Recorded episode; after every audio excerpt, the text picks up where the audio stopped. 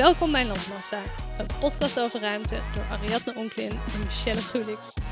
We bespreken met een nieuwsgierige, kritische blik de gebouwde omgeving in al zijn facetten. De zaken die ons opvallen, de personen en organisaties die dit vormgeven en de mensen die het beleven. Michu, Hey Ari, Happy New Year! Happy New Year. Hoe leuk is het als, de, als je een beetje kan zingen en dat je dat mooi kan zingen als de bal dropt. dat doen ze altijd in New York? Als de bal dropt, dan wordt het Ja. altijd feest? Ja, en dit doen ze dan altijd met ABBA? Volgens Nee, maar dan zet ik altijd ABBA op. Oh ja, ik vind ik ook altijd een leuke. Ja, maar wij zijn gelijk doorgerold van de kerstborrel naar de nieuwjaarsborrel. Love it. Dus we hebben weer lekker een chronisch gemaakt. Heerlijk. Opnieuw? Hey Mies, waar gaan we het over hebben vandaag? Oké, we hebben een onderwerp wat denk ik op het eerste gehoor een beetje een rare combinatie klinkt, maar over gentrification, gentrificatie en film.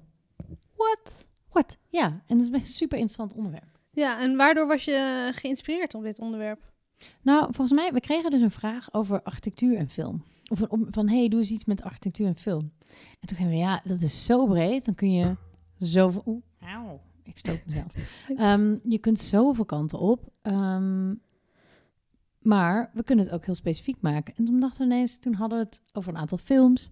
En toen kwamen we ineens op dit onderwerp. En dat eigenlijk best wel een heel interessante invalshoek is. Zeker. Dus even shout-out naar de luisteraar Marije. Yes, Marije, shout-out. to Shout-out naar jou. Eh, alle luisteraars, stuur ook jouw ideeën op. Dan gaan we daar gewoon lekker een detourtje van maken. Ja, stel je Zoals nu. Ja, Nou, we gaan het hebben over gentrificatie in films. Het is nog steeds een gigantisch onderwerp. Dus ja we, zeker. we schieten gewoon een beetje alle kanten op. En Ja. eh, je ma- ja, het zal vast entertaining zijn. Ja. En, En wellicht volgens wel mij- leerzaam. Ja, en jij hebt je vooral ook op eh, films die tot gentrificatie hebben geleid. Ja, Toch? Ook deels. Ja, Ja. ja, ja, ja, Ja. zeker.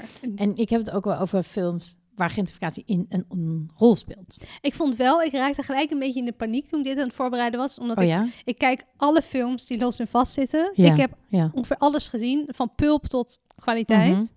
En dan opeens ga je het hebben over films, dan kan je niet meer bedenken welke film nou Mm, wat is. oh, opeens was ik heel mijn, heel mijn filmkennis was gone. Ja, Ik ken helemaal het probleem. Ik heb me daarom ook... Ik heb twee films die ik onlangs heb gezien. Daar ben ik helemaal diep op ingegaan. Oh, love it. Oké.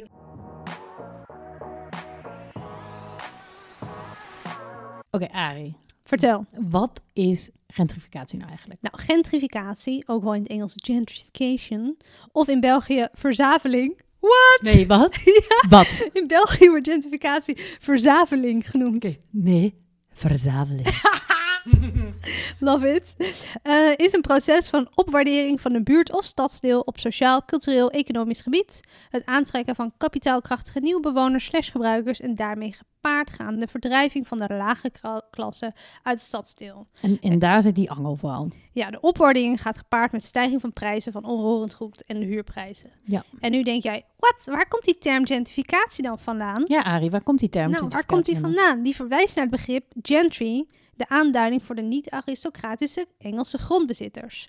People of social position next to the nobility. Oh, dus inderdaad, de, de, hoe noem je dat? De klasse die zichzelf omhoog heeft gewerkt. Precies. Het begrip werd in 1964 geïntroduceerd door de radicale planologe en socioloog Ruth Glass, die bij haar onderzoek naar verhouding tussen huisvesting en de klassenstrijd in de Engelse steden een patroon opmerkte. Ze dacht, hey, het terugkeren van de middenklasse naar de steden en het opknappen van de statige Victoriaanse huizen gaat gepaard met een verschuiving van huur naar koop en de verdringing van de arbeidersklasse voor wie de woningen onbetaalbaar werden. En Ja. vandaar het concept gentrificatie internationaal, een intellectueel wapen in de strijd naar sociale bewegingen die de steden toegankelijk probeerden te houden voor de lage klasse. Oeh, jezus, ben er moe van. Nou, weet je wel, oké, ik was hier dus wel even over aan nadenken, hè, van die, dat Ja. hele term. En dan denk je, oh, dat is echt iets van de laatste 50 jaar of whatever. Maar dat is dus eigenlijk toch helemaal niet zo. Nee, man. Want ik dacht dus ook, dit is echt kunstgeschiedenis, bla bla. Maar Haussmann in Parijs, Ja. Die hebben gewoon alle sloppenwijken gewoon plat gegooid. En, nu- en die boulevards daar, die wij nu allemaal zo fantastisch vinden. Dat we denken, dit lag hier altijd al. ja. Nee, dat is gewoon een best wel 19e eeuw. recent eh, ding. En dan moesten ook al die mensen voor wijken. Ja, man. Naar shit te wijken. gentrificatie- ja. En eh, in Rome heb je dat ook. Mussolini heeft gewoon allemaal die shit plat gegooid. Gewoon van, ik wil een mooie eh, eh, Marsroute naar het Vaticaan. Echt, Oh my god. Maar je hebt ook, maar zeggen, niet alleen dat platgooien, maar ook het herwaarderen. Kijk naar de Jordaan. Daar is Ja. mijn, mijn, eh, de kant van mijn vaders familie komt daar vandaan. Daar wilde je echt niet wonen En die vroeger. wonen nu in Purmerend. Nee, Nee, nee. Die dat is nu allemaal het in de rivierenbuurt. Ja. Maar eh, ja, daar betaal je nu godsvermogen voor een soort van huisje waar je denkt van... Bijzonder, bijzonder, bijzonder. Wat ik altijd interessant vind aan gentrificatie, het is een vies woord. Mensen Ja. vinden het een vies woord. En iedereen schrijft erover. Er zijn heel veel boeken over geschreven. Recent nog heb je dat boek van Floor, De, Wil de Wilde Stad, of Wij oh ja, die Stad, jij, weet ja. wat. ja. Ook alleen maar kritiek. En eh, het heeft ook heel veel nadelen, maar het heeft dus ook voordelen. Want, eh, dat heb ik even van het internet gehaald. Jos Gadet heeft dat eh, geschreven. Die is planoloog voor de gemeente Amsterdam. Die zegt, gentrification biedt naast een vaak particuliere investering in de kwaliteit van de stad nog andere voordelen. Want inderdaad, in, de particulier investeert in een stad. Het creëert banen, de mondigheid van de buurt wordt vergroot, de WOZ-waarden stijgen, waardoor de OZB-inkomsten van de stad toenemen Oh ja, ja. en het draagvlak voor voorzieningen verruimt. Ja. Dus het heeft voordelen, maar het, heeft die, al die voordelen hebben ook weer nadelen, maar die voordelen hebben ook weer voordelen. Snap je? Ja, want ja, Zo ik snap wel, ja, de oorspronkelijke bevolking, ja, die, die kan het wel schudden als natuurlijk huren omhoog gaan of als je, als je huisje wordt verkocht. Precies. Ik vind het ook altijd een heel moeilijk begrip. En ik ben als eh, import in Amsterdam bijvoorbeeld, die in zo'n soort gegentrificeerde buurt woont, Ja. ben natuurlijk ook totaal onderdeel van dat proces. Wij zijn natuurlijk wel een soort hoogopgeleide klasse die hier de, de koffiecompanies en de stags eh eh eh, Ja, dus we houden, zijn, weet je wel. we zijn er wel En tegen. iedereen, iedereen is er onderdeel van. Ja, Precies. En dat is het moeilijk. Iedereen wil een leuk huisje op de NDSM-werf en in Noord. Maar ja, je bent uiteindelijk altijd die, de hoogopgeleide... Of tenminste, ik, nu spreek ik even voor on- ons, zeg maar. eh, maar eh, je, bent al, je blijft dan de hoogopgeleide persoon... die dus onderdeel is van dat hele proces. Dus dat is eh, het. eh, het we we ja. hebben, zeg maar zeggen, gentrificatie is een vies woord. De mensen die zeggen het is een vies woord, maar zijn er die zelf zijn er van. zelf onderdeel van. Precies. En die willen zelf ook, we kiezen er zelf voor om in de stad te willen wonen. We willen zelf die voorzieningen. Ja. Eh, Nou, net als zelfbouwen. zo, Dat zijn ook allemaal vormen van... Ja, man. Uiteindelijk gewoon mensen. vormen van gentrificatie. Mhm. Anyway. Het Uitsluiting. maakt- dat maakt het dus zo ontzettend complex. Nou, we hebben wel eens ook gehad, we hebben het in een eerdere aflevering, hebben we volgens mij wel eens over gentrificatie. En toen waren we redelijk, toen waren we niet zo negatief. Of toen hebben we het een keer genoemd. En toen, eh, en toen kregen we ook berichten, weet ik nog. Ja, van, ja. van iemand van, ja, nou ja, jullie mogen daar wel kritisch op zijn. Ja, natuurlijk. Is ook Tuurlijk. helemaal terecht. Ja. Nou, en ik denk dat daarom, omdat we het nu aan de hand van film bespreken, is eigenlijk wel een goede manier om te laten zien dat het dus een veelkoppig monster is. Ja. En dat de invloed komt niet alleen van particuliere investeerders of, eh, of de gemeente die iets doet, maar het kan aan heel veel verschillende factoren liggen. En ik denk dat film eigenlijk wel een goede manier is om het dus te laten zien.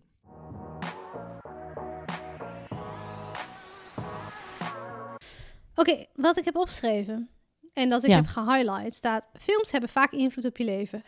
Nou, zeker. Bij mij echt. Zeker. Ja, bij Ja. mij ook. Clueless. Weet je nog Ja. Clueless?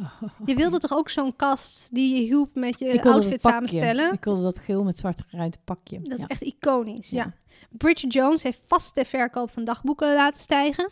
100%. 100%. Love Actually, die scène met die borden, weet je wel. Dat is echt een klassieker geworden. Dat die Ja? gast bij die vrouw voor de deur staat. Heerlijk. In de nieuwe, redelijk vermakelijke en ook wel hele slechte film eh, van Netflix, Love Heart, wordt dat ook Oh. nagedaan.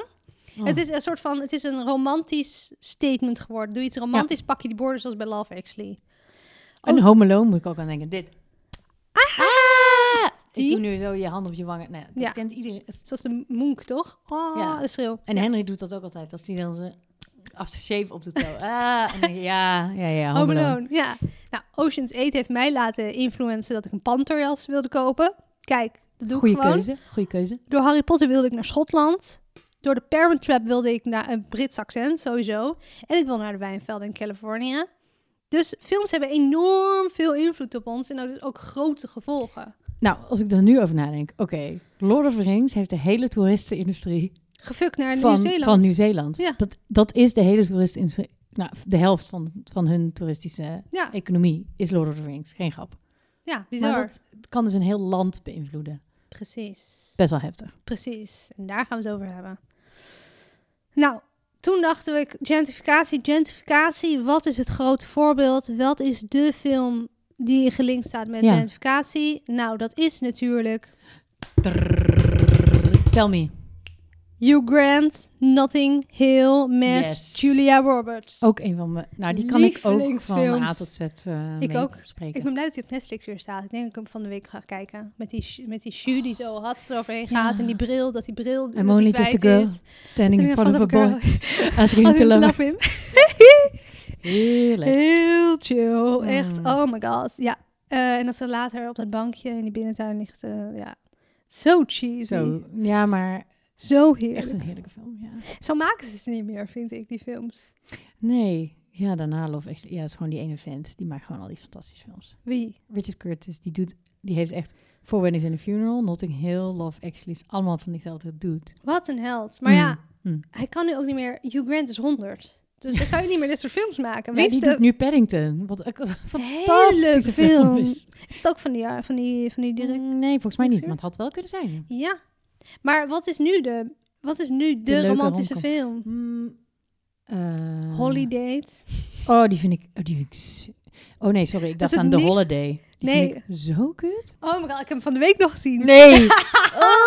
Ik vind het heerlijk. nee, die film kan ik echt niet aan. Ja, maar ik zei het Ik al, ik, kijk alles. It rubs me the wrong way, die film. Ja, maar dat komt omdat ik het onrealistisch vind dat Kate Winslet zo'n soort van onafhankelijke chick is. En met die gast, die ene lelijke acteur gaat. Hoe heet hij ook weer? Oh, Jack Black. Ja, het is gewoon Oh ja. onrealistisch. Ja, dat vind ik ook. En Cameron Diaz, die moet altijd de power Maar dat was spelen. echt een periode in soort de vroege jaren 2000... dat bijvoorbeeld iemand als Kate Winslet dan als een soort dik werd gezien. Het is echt bizar. Van, ik Ja. ook al dit gewoon zeggen is wel van... En Cameron Diaz. De wereld was echt... I know, maar dat is de periode dat Cameron, Cameron Diaz, Diaz ook was, in de alle sta- films was zat. een standaard chick. Ja, die zat in alle films in dat, dat blonde haar. Ah, heerlijk. Ja, ik hou van films. Ik ook. Maar Notting Hill. Notting Hill, wat is over Notting Hill? Nou, Notting Ja. Hill heeft invloed gehad op de buurt Notting Hill in Londen. Tell me. Nou, iedereen wilde erheen na de film. Ja, Ik moet eerlijk bekennen, ik toen ook. ik op reis was met mijn studie naar Londen, zijn we ook naar Notting Hill geweest. Heb je de deur gevonden? Want hij woont... Sowieso De house with the blue front door. heb ik gevonden. En? Eh, hij was blauw. En ik heb eh, dat boekwinkeltje gevonden. Nee, bestaat dat? Nee, natuurlijk niet. Maar het is Oh. een Neppert daarnaast of weet ik veel. Nu is Net het tegenwoordig de toeristenwinkel daarnaast. Oké, even iets over Notting Hill. Ja. Die dude woont echt in een fantastisch huis. Wel met een huisgenoot. Maar hij heeft een reisboek, een slecht lopende reisboekwinkel. Oh god, ik heb precies opgeschreven. Hoe dan? Onrealistische woningen. Dingen die me altijd boeien in films. Eh, of Friends. Wie?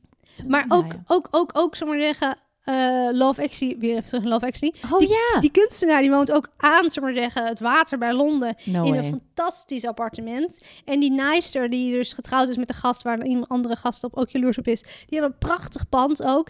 En die man wie's vrouw dood is, die heeft ook een prachtige woning. Helemaal architectuur met doorkijkjes en shit. Nou, ze hadden dus waarschijnlijk niet gedacht wat een iconische beelden ze aan het schieten waren. Toen Hugh Grant op eh, Portobello Market on Sunday morning in 1999 zijn kopje koffie aan het halen was op, de, op film. Ja. Ja, en dat hij eh travelbook owner was inderdaad. Lalalala. no sunshine when, When she's gone. En dan loopt hij over die markt. Ja. Oh, en dat, zie je de seizoenen zo veranderen. Ja. Het is zo heerlijk. Maar wat heeft dat dan gedaan voor die wijk? Nou, Dat moet een soort... het heeft dus echt heel de wijk lopen fucken. het is echt de influent, influ, de Invloed. invloed Ja. van deze film is nog steeds te merken in Notting Hill. Het is bizar. Ze hebben dus dat boekwinkeltje, hebben ze dus een soort van nagebouwd op die plek en een soort van toeristenwinkel van gemaakt. Oh my god. Het is echt, echt heftig. Maar de mensen die er al honderd jaar wonen in West-Londen, die beschrijven ehm, dat Notting Hill na de release van de film in één keer was veranderd. Opeens wilde iedereen, zeggen ze in een interview, wonen in Notting Hill. Deze man heet Alistair Coo- Cooks. Hij is 65 en hij woont op dezelfde, in dezelfde straat als de famous Blue Door. En hij zegt, eh gentrificatie heeft gewoon echt verpest. En de film heeft zoveel invloed gehad op de woon- en de eh, property prices. Dus de, Ja, ja, de huizenprijzen. de huizenprijzen. In 1999 vroeg eh, voor één huis vroegen ze 311.000 pond. Mhm. Vandaag vragen ze voor datzelfde huis 1,5 4000 pond. Oh dus my god. ander- meer dan anderhalf miljoen pond.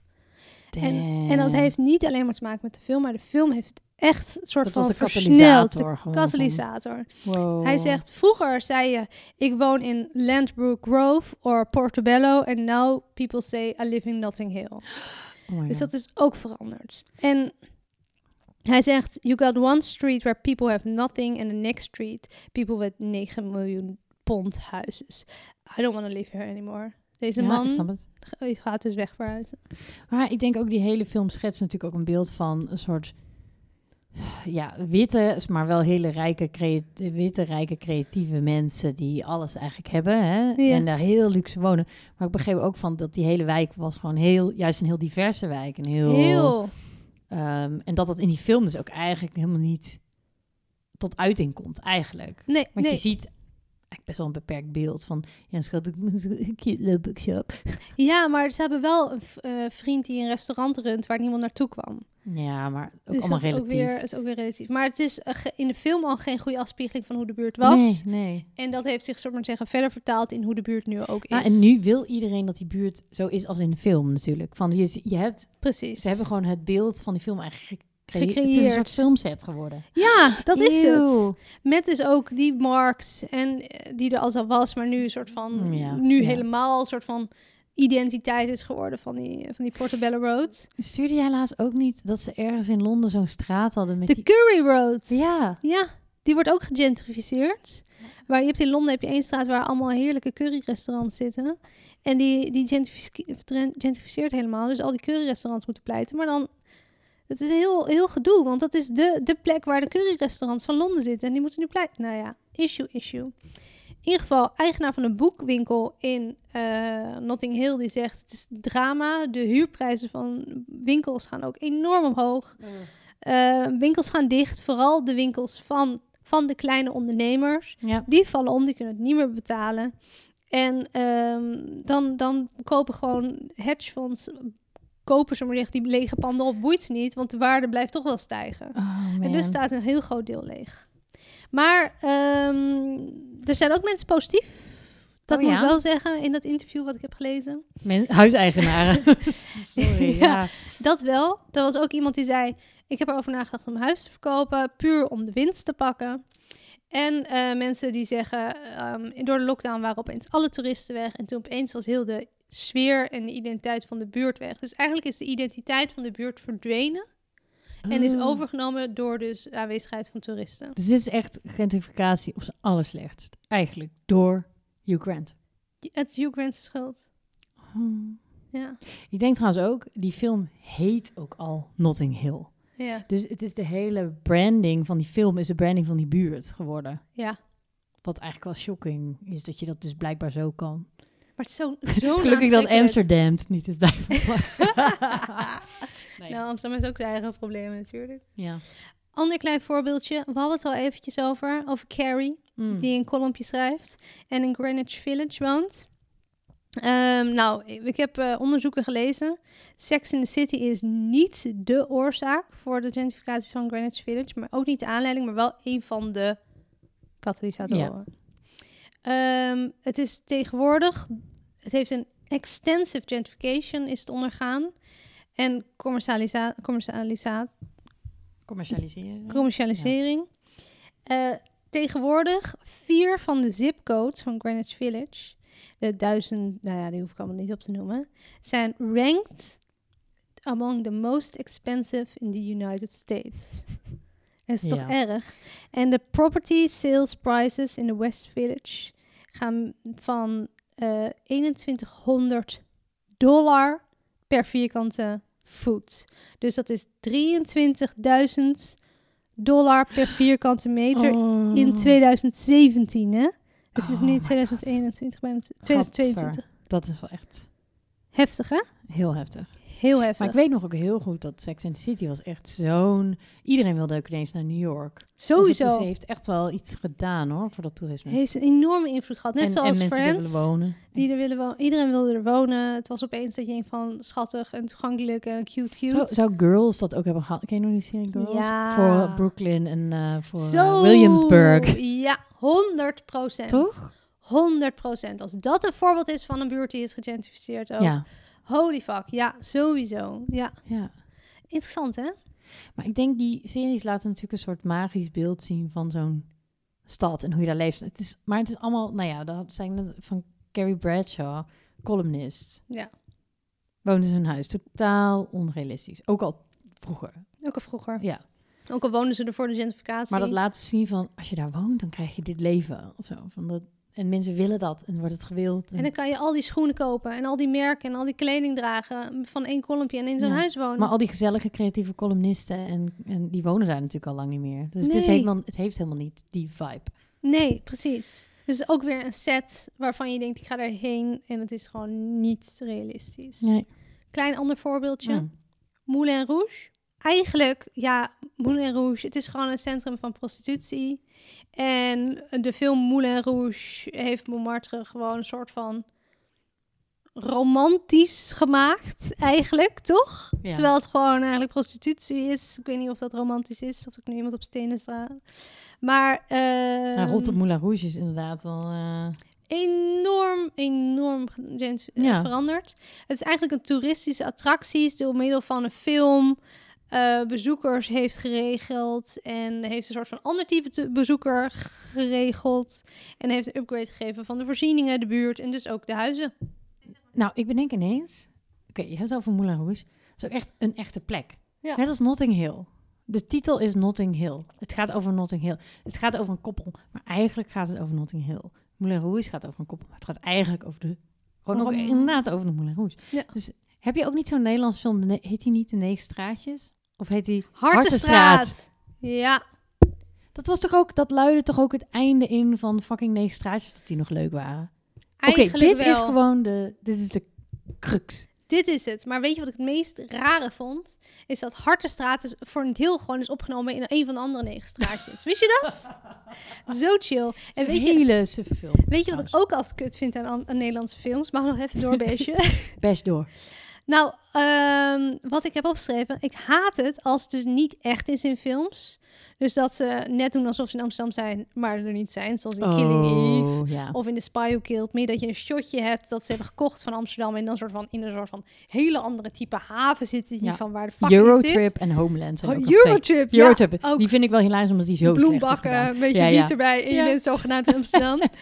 en ik haat het als ze zich door de stad bewegen, maar dat het niet klopt. Ja. En dat gebeurt vaak. Zoals dus in Hartenstraat, zoals in Alles is Liefde. En ook in de serie die gaat over Amsterdam, Adam en Eva. Oh, Klopt het ook niet. En denk ik, you've got one job. You only got one job. En dan weet je toch, maar zeggen, de beelden zo verkeerd aan elkaar dat het niet klopt. Ik raak daarop geïrriteerd en dan is gelijk de liefde voor de film weg. Ik snap je helemaal. Helemaal pleiten. Oké, ik had nog een laatste voorbeeldje. Mhm. The Blue Lagoon, Oh, ja. Van Die heeft ook meerdere films, toch? Welkom to the Blue Lagoon. 1980. Ja. Ja, dat je zo maar zeggen, twee veel te knappe twee kinderen. tieners op een eiland. Ja, naakt. die- Half naakt. Ja, ja schipbreuk, oh, met zijn broer en zus, in elkaar incest, kinderen, alles. Raar Eh, concept van heel raar. Heel raar, maar het was een grote hit. En die hebben ook ehm, heel veel mensen naar dat eiland toe, eh, of de, dat strand laten toetrekken. En ik bedacht me later, er was ook zo'n film, ook zo'n oudje. Dat was met een secte op een eiland of zoiets. Dat was ook zo'n... The Beach. The Beach! Oh, ja, die heeft ook alles Die heeft alles verpest. hel en verdoemenis. Voor Daar mag je nu niet meer naartoe. Dat is nu een soort van niet toegankelijk gebied, omdat iedereen daar naartoe ging. En die heet ook... Oké, ik ga niet zeggen dat die letterlijk... Over een paar, maar die heet ook The Beach. Het gaat over de plek. Over de plek weer. Ja, net als Blue Lagoon. Gaat over de Blue Lagoon. En dit is The Beach. Dat was, en dan mag je, daar zijn zoveel toeristen naartoe gegaan. En dat is zo vercrackt dat heel die natuur was gefukt. En nu Oh mag je my daar God. gewoon niet meer naartoe. Zo heftig, hè? Dus eigenlijk... Dus het is eigenlijk wel shocking. Dit laat wel zien dat dus zelfs een film... Wat je denkt, wat voor invloed heeft een film? Nou ja, extreem veel. En dat kan dus al gentrificatie Ja, het heeft dus... in de hand werken. Mensen willen er wonen of mensen willen er naartoe. Dus het zijn meerdere dingen. Mensen willen er voorzieningen, Damn. hun koffietentje doen. Die willen onderdeel zijn van die identiteit die te zien is in de films.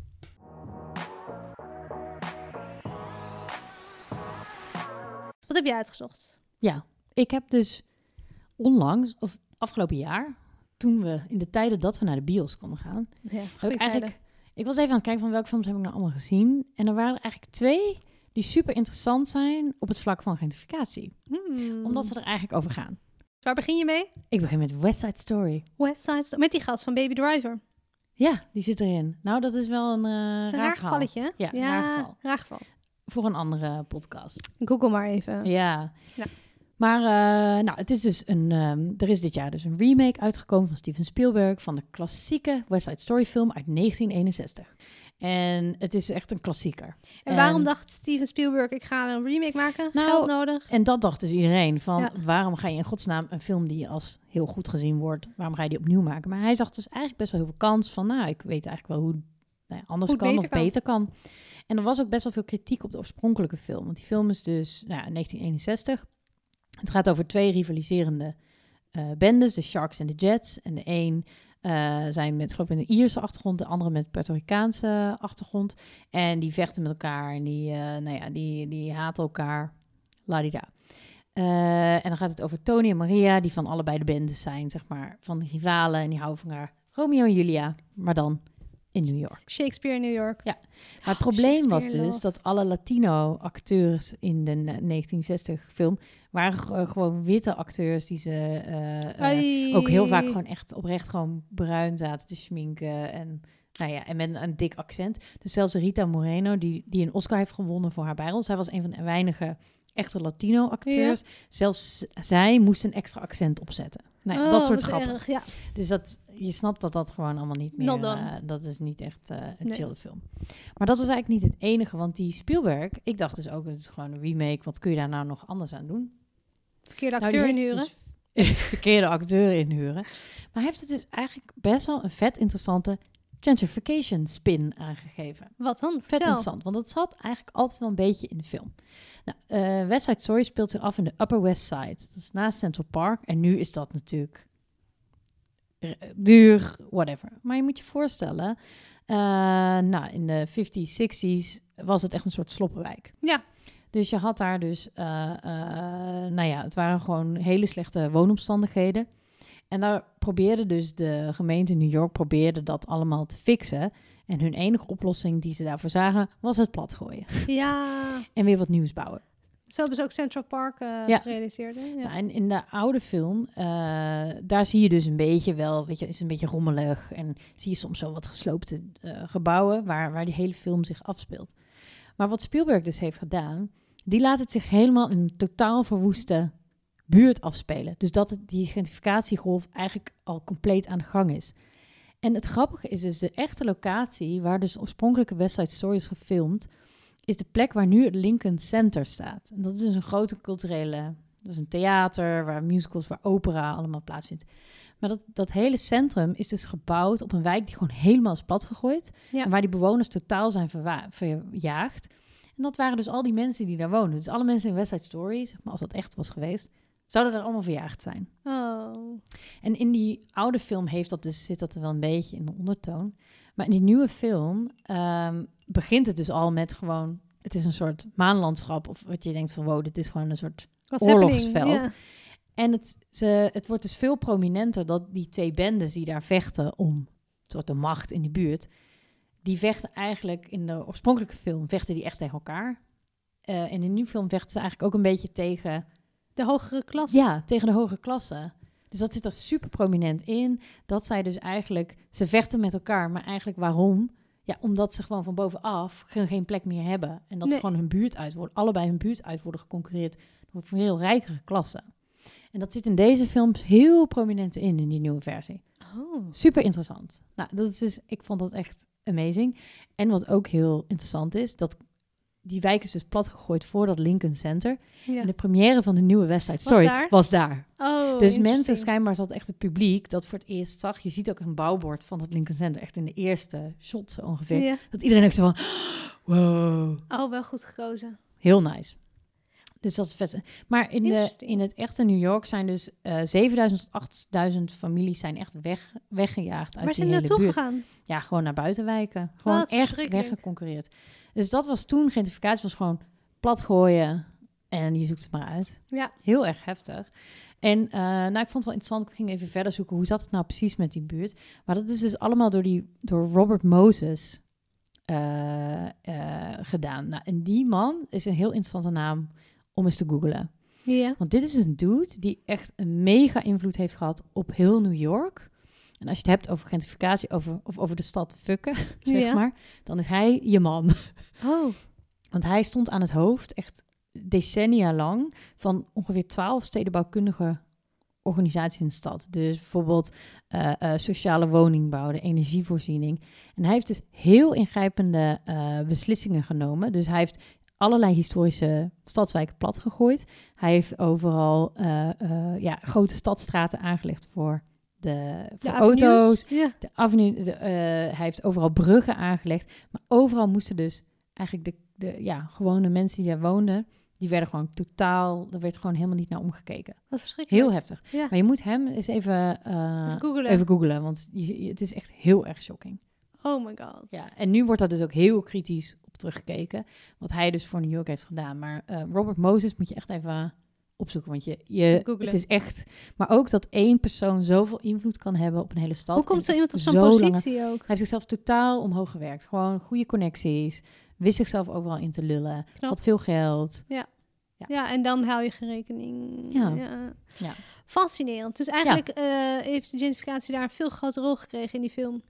Super interessant. Dus dat is echt een van de grootste wijzigingen. En ze hebben echte Latino-acteurs gebruikt. Heel goed. Lijkt me ook een goed punt. En kan Baby Driver een beetje zingen? Ja, wel oké. Maar ja. Ik vond vooral de, de vrouwen in de film zijn heel goed. De nieuwe. Dus heel leuk. Ja. Maar het is wel... eh, eigenlijk, ik zou je aanraden van... Kijk eerst de oude film weer eens een keer. Ja. En dan die nieuwe. Het is wel een lange zit allebei. Het zijn echt films van drie uur. Het is een beetje vermoeiend. Maar wel, En je moet wel, van musicals houden. wel interessant. Heel interessant. Dat ze het eh agenderen op deze manier. Ja, en het is echt eh super leuk, want je merkt ook, eh, je voelt ook heel erg dat, dus omdat ze weggeconcurreerd worden, zijn zij eigenlijk, dus ook die, de, wat in de oude film, dus die, die witte mannen waren, die Ieren, die, die ook in gevecht zijn met die immigranten, dat die film heel goed laat zien van, zij waren ook gewoon gefrustreerd, of zij waren, dit Ja. is echt, zijn de Trump-stemmers, zeg maar, om even zo te Ja, zeggen, ja. van, maakt heel goed die link naar nu, waar precies hetzelfde probleem gaande is. Dus mensen zitten tegen elkaar te vechten, maar eigenlijk komt van bovenaf komt alle Komt- druk. ja. Weet je, daar komt de, de En woede dus, vandaan. en dus de stemmen op Trump. ja. en dus vechten ze met elkaar. Nou, het is echt... Fascinerend. En dat vond ik een hele mooie laag die erin zat. En helemaal van, wow, dit is heel goed gezien. Nou, en dan op naar de volgende film. Ja, want deze jij hem film- gezien? Tuurlijk heb ik hem gezien. wat vond jij In the Heights. Ja, eh, aan het begin kon ik, wist ik al het einde. Zou ik zeggen, ik heb zoveel films gezien tegenwoordig dat ik al kan voorspellen wat er gaat gebeuren. Ja, deze ook. De- ja. Ehm, ik vond het leuk. Ik vond de acteur wel leuk. Ik vond het een beetje cheesy cheesy. Ik vond het niet echt spannend. Ik vond de dansjes leuk. Het is een beetje... eh, ja, ik weet niet. Het was, Ik vond het een beetje een twee sterren film. Maar- Ja, hij is gewoon chill om op de achtergrond aan te zetten. Ja, precies. ja, ik was, ik was niet zo heel erg onder de indruk. Ik was maar blij dat ik had. precies, Dat precies. was het. Helemaal totaal En zo van, oké, ik wil hem wel een keer zien. Dat. Ja, maar dit is dus wel een interessant film, want dit gaat eigenlijk over een buurt die wordt gegentrificeerd en hoe mensen omgaan met de problemen die ze daarin hebben. En het, de film heet dus In the Heights en het gaat over Washington Heights. Washington Heights, Heights. wat eh, helemaal in het noorden van Manhattan is eh, in New York. Eh, en daar is ook ongeveer 64% van de bevolking is Hispanic. Ja. Dus, eh, en daar is dus ook heel erg het probleem dat alle oorspronkelijke bewoners worden dus weggeconcurreerd. Dus sinds de jaren 2000 zijn de huurprijzen iets van ook 30% of zo gestegen. Ja. Nou, eh, gelukkig dus is er heel veel bescherming, maar mensen worden gewoon totaal weggeconcurreerd. En onze vrienden van MVDV Ja. Zijn daar nu ook een prachtige toren aan het bouwen. Nee, het is echt een beetje een... Het Is is, het lelijk? het is heel, heel naar. Ge- ik heb opgeschreven gekleurde Lego-blokken die totaal uit de toon vallen. Een boutique Oh. lifestyle hotel en kantoren. Oh, waarom doen ze Het dat? heet eh, Radio 181. Radio 18. 81. En dan MVDV, dan vind je hem wel. Het is een heel stom gebouw. Oh, lelijk. Heel saai. Het is heel saai. En ze dachten, En we knappen wat kleurtjes. erop en dan is het Ja. klaar. Oh, ik vind het ook een beetje shortsuiters. Ja. Ja. nou, het is dus, eh, maar dat is dus een teken van hoe die buurt aan het veranderen is. En die hele In the Heights was ook eerst een musical in het theater. Oh. Dat was dus heel erg bedoeld als een kritiek op die hele verandering van die buurt. Ja. Want eh, nou, uiteindelijk het gaat het verhaal, je volgt dus, oh, hoe heet je ook? Oesnavi. Ja. Een hele rare naam, maar je moet de film kijken om te begrijpen waarom dat grappig is. Ehm, hij zit dus te denken, ik moet terug naar de Dominicaanse Republiek. Ja. En uiteindelijk, nou, la la la la, la, er Vindt hij de heel liefde van veel. zijn Vindt hij de leven. liefde van zijn leven, ladida, ladida. Dan blijft hij toch. En dan blijft hij toch. Maar je weet niet hoe hij het kan betalen aan het einde. Nee, dat weet, dat weet niemand. het is een beetje zo van, gentrificatie speelt de hoofdrol. En aan het einde hebben ze zo van, en we leven nog lang en gelukkig. Zo van, hoe dan? Wat er is je wordt niks oplossing? opgelost. Nee. Maar terwijl wel die hele film is een soort kritiek op wat er gebeurt met die buurt. Dat, dat, dat zijpelt door alles heen. Je volgt allerlei mensen en iedereen heeft er problemen mee. Iedereen pra- kan prachtig dansen Ja. en zingen. Dus die hele film is een pleidooi tegen die hele gentrification. Maar, fantastisch artikel ook weer gevonden, dat die hele buurt nu dus zorgen heeft dat die film, Ja, in de iedereen gaat Heights. erheen. iedereen denkt nu Washington Heights. Washington Want in die Heights. film denk je, dit is de fucking leukste buurt van heel New Het York. is zo gezellig. Iedereen is aan het dansen op straat. Hartstikke leuk. En het is gezellig en hier vul je nog het echte leven van de echte New Yorkers. En daar willen de mensen dan naartoe Ja. en wonen. Ja, Want daar Dus kan nog wel betaalbaar dit is en eigenlijk de grote ironie van dit hele onderwerp. Is dat is zelfs een film die dus tegen gentrification is. Het uiteindelijk zelfs. Ja, die, daar zei ik, eh, uiteindelijk draagt het allemaal eraan bij. Je kunt het nooit goed doen. Eigenlijk moet je gewoon zwijgen. gewoon een heel plek soort van... Ja, Maar dat is ook vaak bij drie op reis bijvoorbeeld. Als ze ergens naartoe gaan. Daarna denk je van, ja, nu wil ik er niet meer naartoe. Want nu gaat iedereen erheen. nee. Dus eigenlijk kan je het beste ergens wonen waar niemand wil wonen. Maar wel dat alle voorzieningen zijn. Maar dat je met alle collectief afspreekt dat je het er niet over hebt. Almere.